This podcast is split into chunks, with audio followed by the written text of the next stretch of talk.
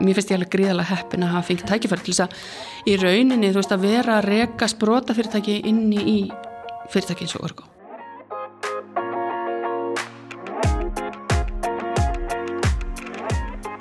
Ég heiti Alma Dóra og þú ert að lusta á hlaðarpið Konur í nýsköpun. Styrtaræðala hlaðarpsins eru Origo og Framvís samtök vísisfjórfsta á Íslandi.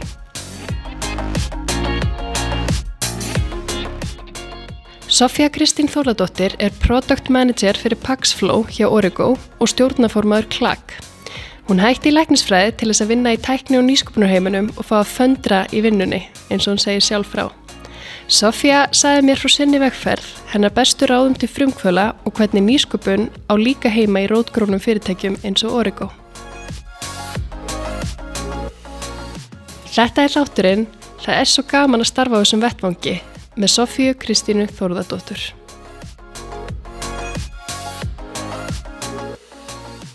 Velkomin Sofía. Takk kærlega og takk fyrir að fá að koma í podcastið, ég er bara mjög spennt. Já, bara mín er ánæg en takk kærlega fyrir komuna. Ef við byrjum kannski aðeins á því að skoða svona þig og þína vegferð. Hver er Sofía og hvaðan kemur hún? Já, ég er uppalina seltöðanissi, bjó þar fyrstu árin og svo fluttist ég yfir á Grandan og, og svona alin upp á nesinu, fór í Való og þetta typiska og hérna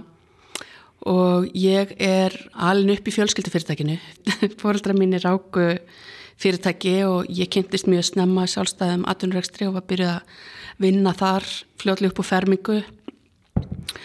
Og það var bara það var ekkit ellera fyrir mér heldur en að hérna, fjölskyldan væri að reyka fyrirtæki en á sama tíma þá átti ég líka ömmu sem að ég leita greiðlega mikið upp til og, og hún hafði mikið láhrá á mig. Og það var svona smá saga í fjölskyldinni um að fara í MR og þetta helst. Þannig að ég eftir val og þá fer ég í MR og átti bara æðisleg ár í MR og þessi amma mín hún saði eins og við mig því að hún var náttúrulega fætt 1920 og hafði kannski ekki alveg sömu tækifæri og ég til að menta sig og ef að hún hefði fengið tækifæri til að endur taka leikin þá hefði hún orðið læknir. Og þetta hafði greinleikur áhrif á mig. Ég hérna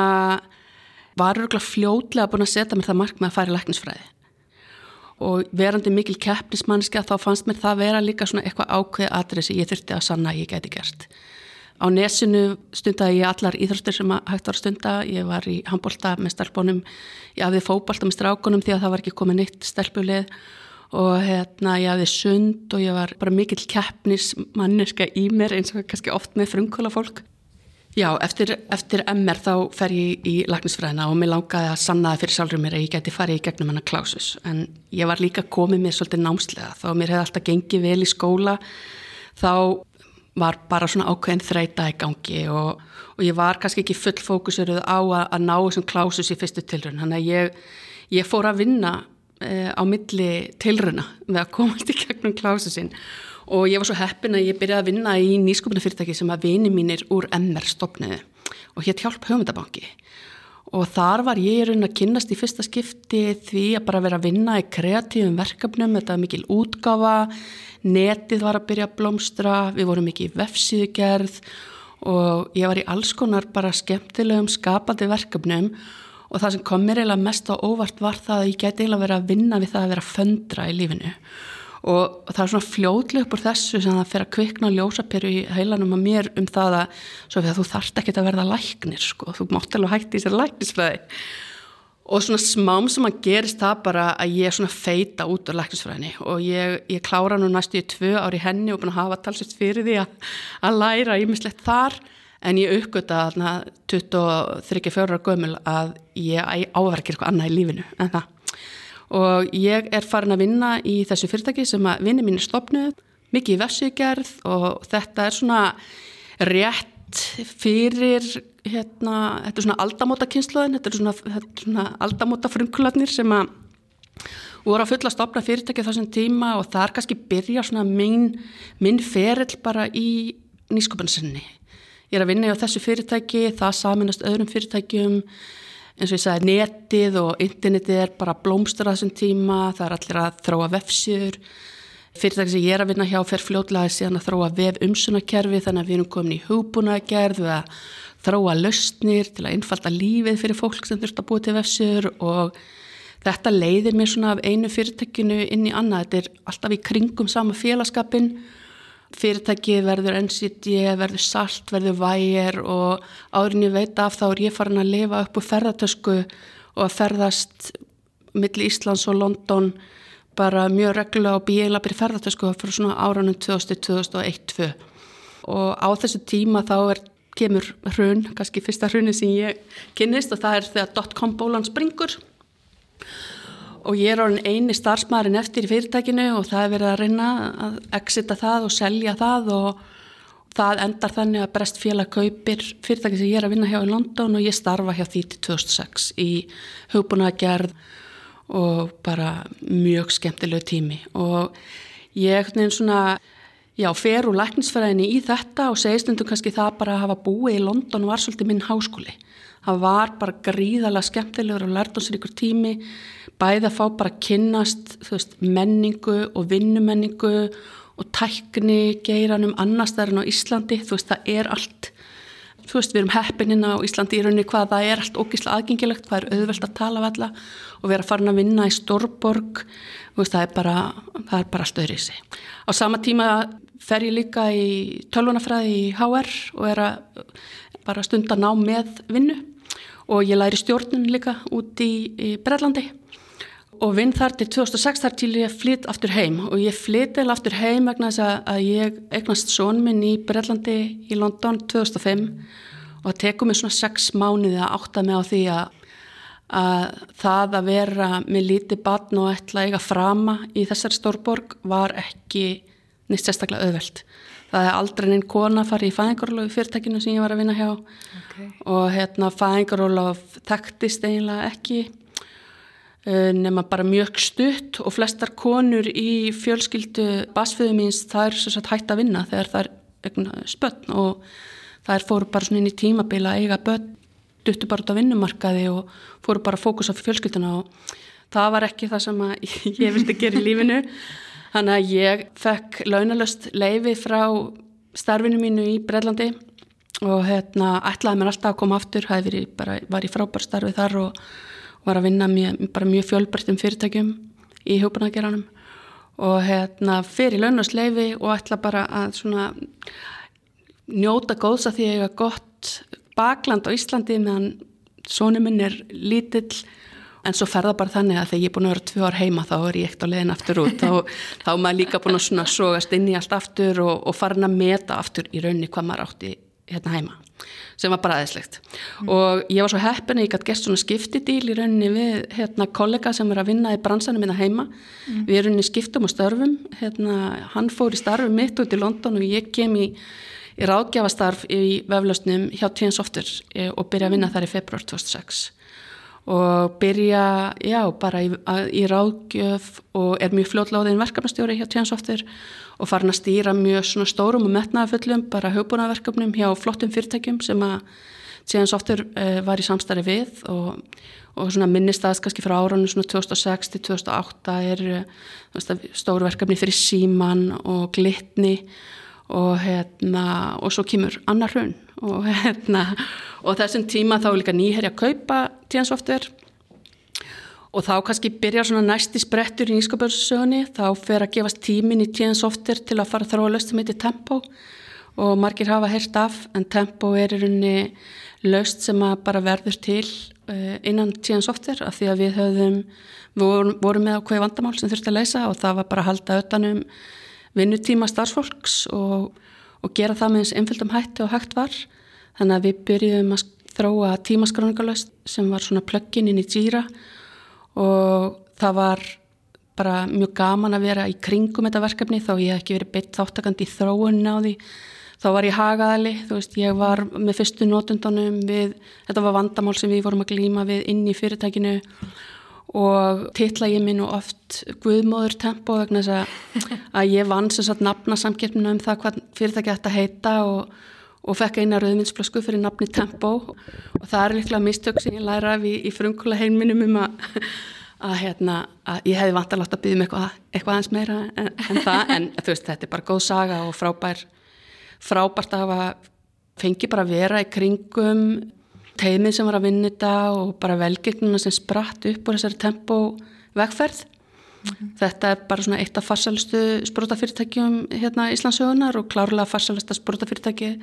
sem að hefur sprottið, sem spratt út úr tíðan softir og sem að síðan rennur inn í Origo og Origo er á ennþá stóran hluta í tempo og þetta eru svona kannski tvær sögur annars vegar það að lifa .com bólun af það sem að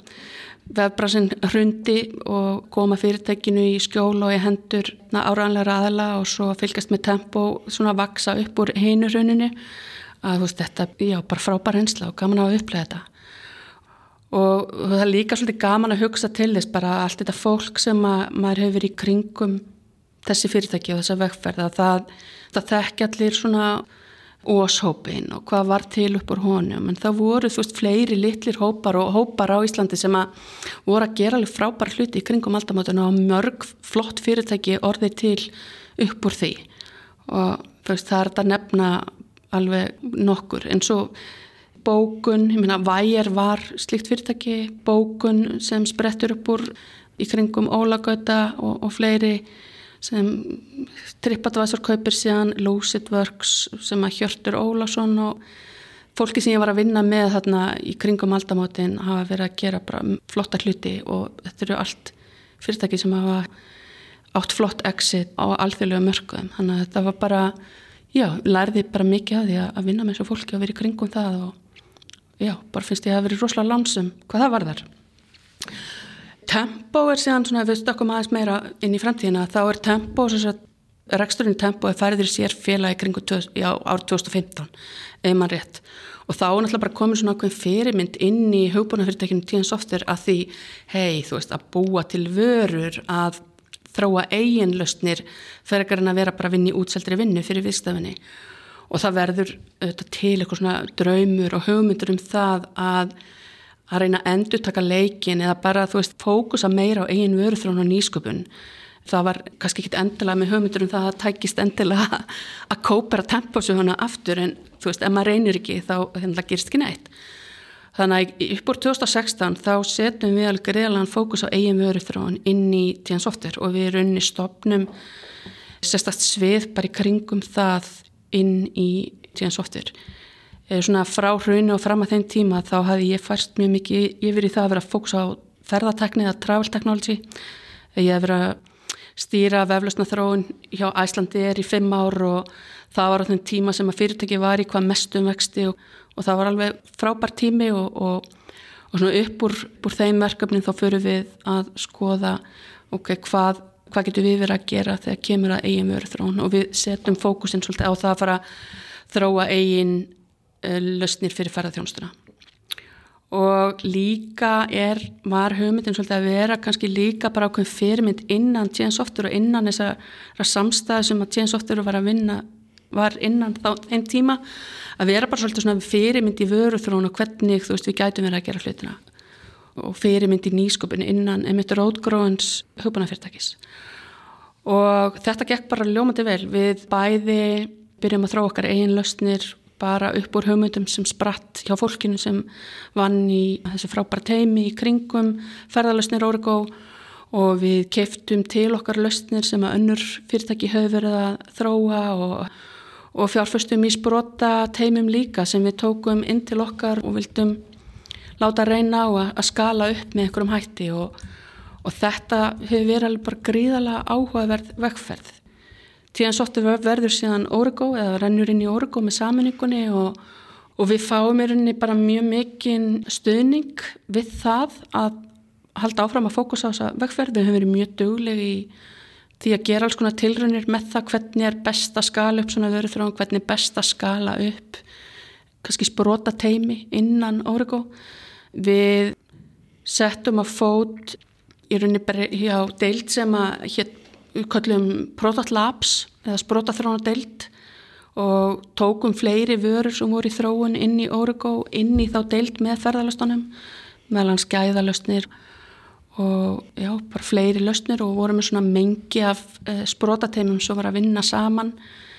Og okkar aðalmarkmið þarna var að búa til umhverfi sem að væri ákjásalegt fyrir sprótateima starfa innan. Við vildum vera svona kannski svolítið best of both worlds að reyna að stuðla erinu að bara svona þessari sprota menningu sem að er, þú veist, með sprótafyrirtækja, svona fá svolítið kraftin inn sem kemur þaðan en bjóða upp að umhverfið og baklandið sem þú fælst í rótgrónu hugbúnafyrirtæki. Og þetta hefur bara verið alveg frábær vegferð og svo og þú veist og höfumyndi með þessu kannski líka að geta tekið inn eitthvað teimi sem er að þróa okkur ákveðna vöru og við þurfum öll að vera raunsað með það að það gangi ekki allar lausnir upp. Alveg eins og í sprótaheiminum þá það er ekki nema þú veist 10% fyrirtækja sem meika það að verða að ykkuru eða jafnvel minna. Og það áalveg það sama við innan rótgróðins hugbúnafyrirtækis að þú ert að láta reyna nýjar höfmyndir að það er eiga ekki allar upp á pallborðið og það er alveg gríðalega mikil áskurunir að finna þetta product market fit og, og ná skalaleikanum sem að sem að þarf til þess að unga út nýjum fyrirtækjum og sjá þau blómstra. En þú veist við höfum gert áður við séum við erum með fyrirmyndin í tempo og, og það kannski drýfur okkur líka svolítið áfram að vilja fókusa meira á okkar eiginlöstin heldur en að vera að vinna engungu með í útsöldum verkefnum fyrir hérna, okkar viðstæðinni Þannig að við hefum lokað hugmyndum, við hefum lokað verkefnum, við hefum tekið verkefni sem eru komin á okkur ákveðin stað og hafa náð ákveðin fótföstu og það er þá kannski runnið inn í orðið að sérdeild eða unnið inn í hugbúnadeildir innan orguðan og þetta hefur bara verið gríðala lærdámsrikt vinnað og skemmtileg fyrst og fremst líka. Og mér finnst ég alveg gríðala heppin að hafa fengið tækifæri til þess að í rauninni þú veist að vera að reka sprótafyrirtæki inni í fyrirtæki eins og orgo. Og það er mjög margt sem við höfum lært af þessu. Við, myndum alveg pottit gera hlutina eitthvað öðruvísi í dag en heldur en við gerðum þá kannski fyrir tveimur, þreimum, fjórum árum síðan. En það er kannski líka tilgangurinn með því að það er að læra svolítið ok, hvernig getum við ungað út nýjum hugmyndum, nýjum vörum og við erum mjög dögleg í dag bæði með sprótateimin okkar Origo hefur líka núna í gegnum tíðina kannski fjárfest meira í sprótafyrirtækjum án þess að vera endilega meirluta eigandi í þeim. Og við hefum líka það mikil vöru þróun og nýskupin í gangi inni í bara hefbundu deildunum okkar inn í vörum sem að eru orðna bara mjög þekktar hér á Íslandsmarkaði. Löst eins og kjarni og, og hérna CCQ sem nefnir bara nokkrar. Og við erum mjög virkir þáttakandur í nýskupana mjög mörgum sviðum. Líka í verkefnunum sem við erum að vinna með okkar viðstafinum og hvort sem það er í stafranu Íslandi eða fyrir veðustofina eða, eða fyrir aðra viðstafinu að það er bara virk nýskupun og nýþrón í gangi alltaf hverju minnasta degi. En ég hef verið svona unnið að mestu inn í sprótaþránar hlutanum og gert það núna síðastlegin cirka fimm ár. Og það er já, bara búið að vera algjörlega frábært það hefur síðan kannski leitt mig líka svolítið inn í það að vinna nánar með klakk með Atlantic Startups. Og ég er stjórnaformar klakk í dag en Origo er sérst einn af eh, eigandum eða hlutum í klakk, það eru fimm aðilar sem að í rauninni eru í eigandahópi klakk Atlantic Startups og Origo er þar að meðal og er í rauninni eina enga fyrirtæki sem að stendur á baki klakk og ég er svo heppin að fá gegna stjórnaformanskunni eh, þetta starfsárið og þetta er búið að vera algjörlega frábært. Eh, það er ótrúlega mikil bara gróska og kraftur í gangin í klak í dag og þetta starfsár er búið að vera bara algjörlega magnað. Frábæri hraðlar og, og starfið sem að krakkarnir og teimið þar er að vinna er til mikillar eftirbreytni. Það er já, mikið stuði kringum þau og mikið stemming. og hlutverk klag er kannski fyrst og fremst veist, að halda hraðla og unga út eins mörgum fyrirtækjum að hægt er. En svona mitt hlutverk hefur bæði verið að, að skoða hvernig getur org og teki betur og betni þátt í að styðja nýskopunum umhverfið í gegnum þetta samstarf. Já og bara finna leiðir til þess að, að klag bara dafni sem best sko. Frábært, þetta er alveg fascinandi, þú ert greinlega í mjög miklu langtíma sambandi við nýsköpun og með marga snerti fleti. Sem er mjög áhugavert. Já. Nú erum við smá búin að ræða tengingu Origo við nýsköpun og nýsköpun mm. umhverfið. En ég veit að Origo er líka með mjög ríka áherslu á jafnbreyttismál mm og ég væri til að heyra kannski aðeins um það og, og hvernig það lýsi sér í ykkar starfi. Já, það er ekkert svo langt síðan að við ákvaðum bara að þegar kemur á jafnbryttsmálum þá er það bara ákvörðin og það skiptir ekki máli hvort að það er í hlutfalli starfsfólks eða að hverju það snýr að fyrsta skrefið er bara ákveða að það eigi ríkja jafnbrytti og við hefum lagt mikla áherslu á það í öllum nýráningum okkar að hlutföll kynjana sjöjöfn í öllum nýráningum inn til okkar. Og við leggjum áherslu á, á þetta í rauninni bara gegnum gangandi gegnum allt, allt fyrirtækið með bara markvisri metnaði fullri jafnbrytts áallin og já, annað dæmum það hvernig Origo vill stuðla að líka bara jafnbrytti í tæknigeranum, þú veist við hefum mikinn áhuga því að sjá fleiri konur koma til starfa í tæknifyrirtækjum og við gerum það sem við getum til þess að styðja við það. Og ég veit að við hefum verið að til dæmis líka horfa bara aðeins með öðrum hætti á hvernig markasmálunum okkar er háttað eða okkar samfélagsmiðu verkefnum er háttað með því að leggja aukna áherslu á því að ná til hvenna og við gerum það til dæmis með því að koma konunum okkar meira á framfæri. Bara gera þær sínilegar vegna það er svo mikilvægt að þessar fyrirmyndir séu til staðar fyrir ungar stelpur í námi í dag veist. Og þegar ég horfið tilbaka og hugsaði já þú veist ég var með þessa hugmyndum að fara í læknisfræði þess að ég vissi ekkit betur, ég vissi ekkit annað. Það var ekki þessi kúltúr einhvern veginn til að ég ætti eitthvað erindi í eitthvað tæknigreinar. Þó ég hef verið veist, ágætlega sterk í vísindagreinum í MR þá kvartlaði ekki einu sinna mér. Þannig að mér finnst mjög mikilvægt að við byrjum mjög snemma að gera öllum grein fyrir bara tækifærunum sem að, sem að liggja í teknikrunum og sérstaklega stelpum og kannski líka benda þeim á það eru svo ótrúlega fjölbreytt störfi í bóði í þessum geira. Í nýsköpunarsennu sem er alltaf stórun hluta teknisenna og fyrir Órugo sem er teknifyrirtæki að það eru ótrúlega fjölbreytt störfi bóði fyrir konur innan þess að geyra. Þetta er ekki bara að sita inn í einhver helli og forrita eða eitthvað slíkt. Það er svo, og þetta er svo, þú veist eins og því ég tek hérna aftur þegar ég uppgötta að ég geti verið að föndra í vinnunni, þú veist, það var kannski svona tenging við mína svona kvenlu artistik hlið, sko, að þetta væri skemmtilegt, þetta væri, já, það var tenging sem ég hafði ekki og þegar ég er að koma á mentaskóla, að því ég hef nú svona listarann hlið í mér, ég var mikið í myndlist og ég spilaði hljóðfæri og var í ljúrusveit og ég var alltaf svona blanda af cool kid og nörd sem að heldur sér áfram út lífið með því að vera algjör sko vef nörd og nördast í tæknumálum eftir því sem verð eldri og kannski hérna, minna í ljúrusveitinni að það, það eitthvað nefn, það kom, það var aldrei inn í myndinni fyrir mig að fókusa okkur skapandi greinar að loknum framhalskóla og mér finnst mjög mikilvægt að við séum að beina sjónum með þessu fyrir unga konur í dag að gera þeim bara betur grein fyrir möguleikunum sem bara býða þær og tækifærunum sem býða þær að þarna úti sko þegar þetta er svo ótrúlega skemmtilegt, það er svo gaman að starfa á þessum vettfangi. Algjörlega. Og svona í gegnum þinn feril, hver hefur svona verið þín upplifun og kannski það besta og það versta við að vera kona í tækni? Mér finnst ég ekkert eiga eitthvað margar slæmar upplifanir og ég veit ekki, ég myndist á þetta í byrjun að ég æfði fókbalta með strákalið af því að það var ekkert annað í bóði ég bara, ég bara spila leikin á þeim leikvelli sem er í bóði hverju sinni. En það hefur líka verið ákveðinu umhugsunarefni fyrir mig og ég kannski bara átta mig á því núna fyrir ekkert svo löngu síðan í rauninni bara hvað mælirinn var rámt stiltur hjá manni. Ég gerði mér kannski ekki endilega grein fyrir því að hvað væri að og var kannski svona með hugmyndur um það að hlutinir væri í betri málum en þeir kannski raunverulega voru.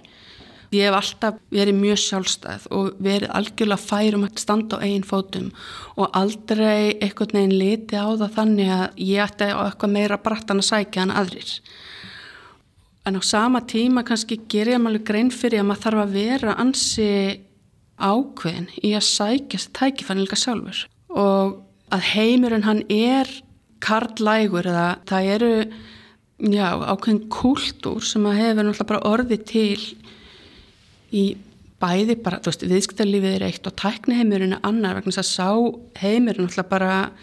hefur verið 80-90% kallmenni gegnum tíðina og við erum, við erum ekki nema í 70-30 cirka núna sko þegar við horfum á atunlífi þegar kemur á tækningreinum bara, jú, herði, ég verð bara viðkjöna að það er, það er bara innbyggð skekja í gangi. Og ekkert en hef ég ekkert endilega verið að láta það stoppa mig en Mér var bent á hann daginn, ég held ég bara verið að lesa bókina hérna Key Habits bókina, það sem verið að fara yfir bara verið að taka dæmi af fólki, hvernig það getur tilenga sér góðara vennjur og svona marga bækur sem ég hef verið að lesa í gegnum tíðina sem að, þú veist, eru business miða bækur eða tekni miða bækur og öll dæmin og allt sem fjallar um í þessum bókum er útfara reynsli hefði kalla, þetta eru allt sögur að kallmennum og það er, bara, það er bara mjög lítið um efni sem að snýra konum. Og, og ég bara viðkynna það fúslega að í gegnum tíðina þá hef ég eitthvað bara, já, veist, ég bara hugsaði ekki um þetta, ég bara staðsetti mig ekki eitthvað þannig veist, fyrir mér var þetta ekki vandamál en að sjálfsög er þetta vandamál. Við eigum að vera að fjalla um alla. Þannig að ég þú veist áskoranir sem að tengast þessu, mér finnst ég ekkit endilega að hafa lent beint í áskorunum mér finnst mér bara að hafa vegnað freka vel í geiranum. En það er kannski líka bara af því að ég er þannig karakter, ég, ég funkar vel í þessu umhverju og mér gengur vel að vinna í þessum heimi. En það er ekkit allir eins og ég. Og við þurfum að vera opnari fyrir fjölbreytilganum og, og opnari fyrir því að teimin okkar séu bara skipuð einstaklingum að öllum stærðum og gerðum og, og hvað sem hættar að kalla það sko. Og, og ekki bara út frá kynjum sko. Það er, hérna, það er styrklegi í allri nýskopun sem að stundið er hvar sem hann er að fá að fá hann sem flest sjónarhátt sko. Annars er þetta svo rosalega einslegt sko. Þannig að ég fagna því alveg greiðilega mikið bara hvað umræðan og hvað umhverfið hefur verið að breytast og fyrir konu sem mig sem að veist, er núna á, á meiri háttar miðaldra, hérna, meiri háttar miðaldra eins og einhver kallaði það. Ég bara veit gera allt sem ég get til þess að stöðla því að allir upplýsi velkomna inn í þennan heim sko. Hvort það er nýskopna senan eða takna heimurinn sko. Það er kannski eitt sem að ég hef kannski hugsað svolítið meirum í setni tíð og, og, og myndi kannski líka vilja bara orða það sem svona ráðleggingar fyrir konur sem að eru að taka þátt í að stopna fyrirtæki eða eru orðinir líkil starfsmenn í sprótafyrirtækjum að byggja um hlutafið vegna þess að ég í rauninni hafði ekki uh, vit á því að gera það sjálf. Jáfnvel þó ég var orðin síðasti starfsmærin í fyrirtækinu með eigundunum að þá var ég aldrei í founderteiminu, ég var ekki co-founder. Og ég spyr með því í dag, þú veist hvernig stóða því. Í fyrsta lag myndi ég bara segja ég hefði auðvitað átt að byggja um það ef ég byggði ekki um það þá er það, þá er það kannski ekki á bóðstólum sko. þannig að ég er alls ekki eitthvað að reyna að,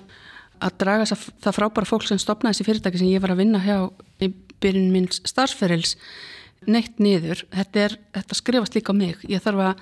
við þurfum að vera döglegar við konur að byggja um hlutafið ef okkur finnst við eiga það skilitna og þegar við erum orðnar, dýrmættir, starfkraftar og jafnvel ómisandi starfkraftar í brotateimum þar sem við erum að bera upp í hugbúnaðþróun eða jáþróun á nýjum vörum að þá verðum við að vera óhrættar við að gera það. Hvetja konur endrei til þess að byggja um, um hlutabrif. Svona rétt að lókum, hver myndur segja að væri svona þín bestur áð til frumkvöla eða fólk sem vil starfa í skupun eða tækni eða svona þessum heimi? Já, mitt ráð til frumkvöla eða fólks bara sem er með hugmyndir að langar að gera eitthvað í dag er bara í fyrsta lagi gerðu það sem þeim finnst skemmtilegt að gera. Veist, það er hérna, það er nummer 1 og 3 ekki fyrir læknisfræði bara því að fyrir einhvern annan eða eitthvað. Þannig að hérna að þið finnst gaman að föndra þá hérna, skaltu gera það. Og þú þarft ekki endilega að taka eitthvað stórstök veist, það er bara, fyrsta skrefi getur bara verið að komast aðeins inn í senuna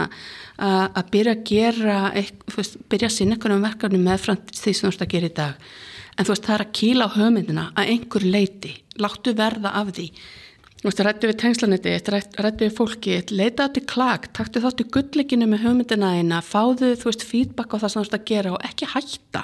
Haldt og áfram, þú held að eitt besta ráðið er að, veist, ein hugmynd hún leiðir á sig margar aðrar hugmyndir. Þannig að jafnvel þá hugmyndin sem einhverju með í dag þú veist, meikið ekki, þá verða örgla til margar hugmyndir upp úr henni. Já, ég myndi líka vilja segja að skiptir ekki máli á hvað aldrei ert. Það er aldrei á sent að byrja í nýsköpun, bara eins og með alla sköpun. Þetta er aldrei á sent og mér myndi bara vilja hvetja fólk á hvað aldrei sem það er, hvort það er sko bara rétt að byrja sinn feril í aturlífinu eða jafnvel þú veist á ferli 2 eða 3 að þá áða erindi í þetta vegna við erum öll með nálganir og hugmyndir sem að hérna, eiga erindi og, og eiga rétt á því að, að, fá, veist, að fá að heyrast, fá að líta dagsins ljós og, og geta orðið eitthvað góðu. Þannig það er bara mitt ráð að, byrja og, og ekki að hætta. Það er yfirslegt. Er eitthvað sem þið langar við þetta bæta? Já, að lokum vil ég bara segja að mér langar til að hvetja stelpunar og konurnar hérna úti, sérstaklega konurnar sem eru í tæknifyrirtækjum, að vinna í tæknifyrirtækjum eða eru í tölvunafræðinni til þess að íhuga það alvarlega að stopna sín einn fyrirtæki. Vegna þess að við þurfum virkilega á því að halda að fleiri konur stopni og reki tæknifyrirtæki já, hér á landi og bara allt þar í heiminum. Þannig að Ég er mjög til í bara samtalið og spjallið við konur sem að hafa áhuga á því að kynast bæði hvernig ég hef gert það og svo er náttúrulega hægt að leita til aðlæns og klaka og fleiri til að fá aðstótt til að byrja. Þannig að ég held að það sé bara svona mín skilabóða lokum. Frábært. Mjög góð lokur. Takk kærlega fyrir komuna, Sofía Kristín. Takk kærlega fyrir mig.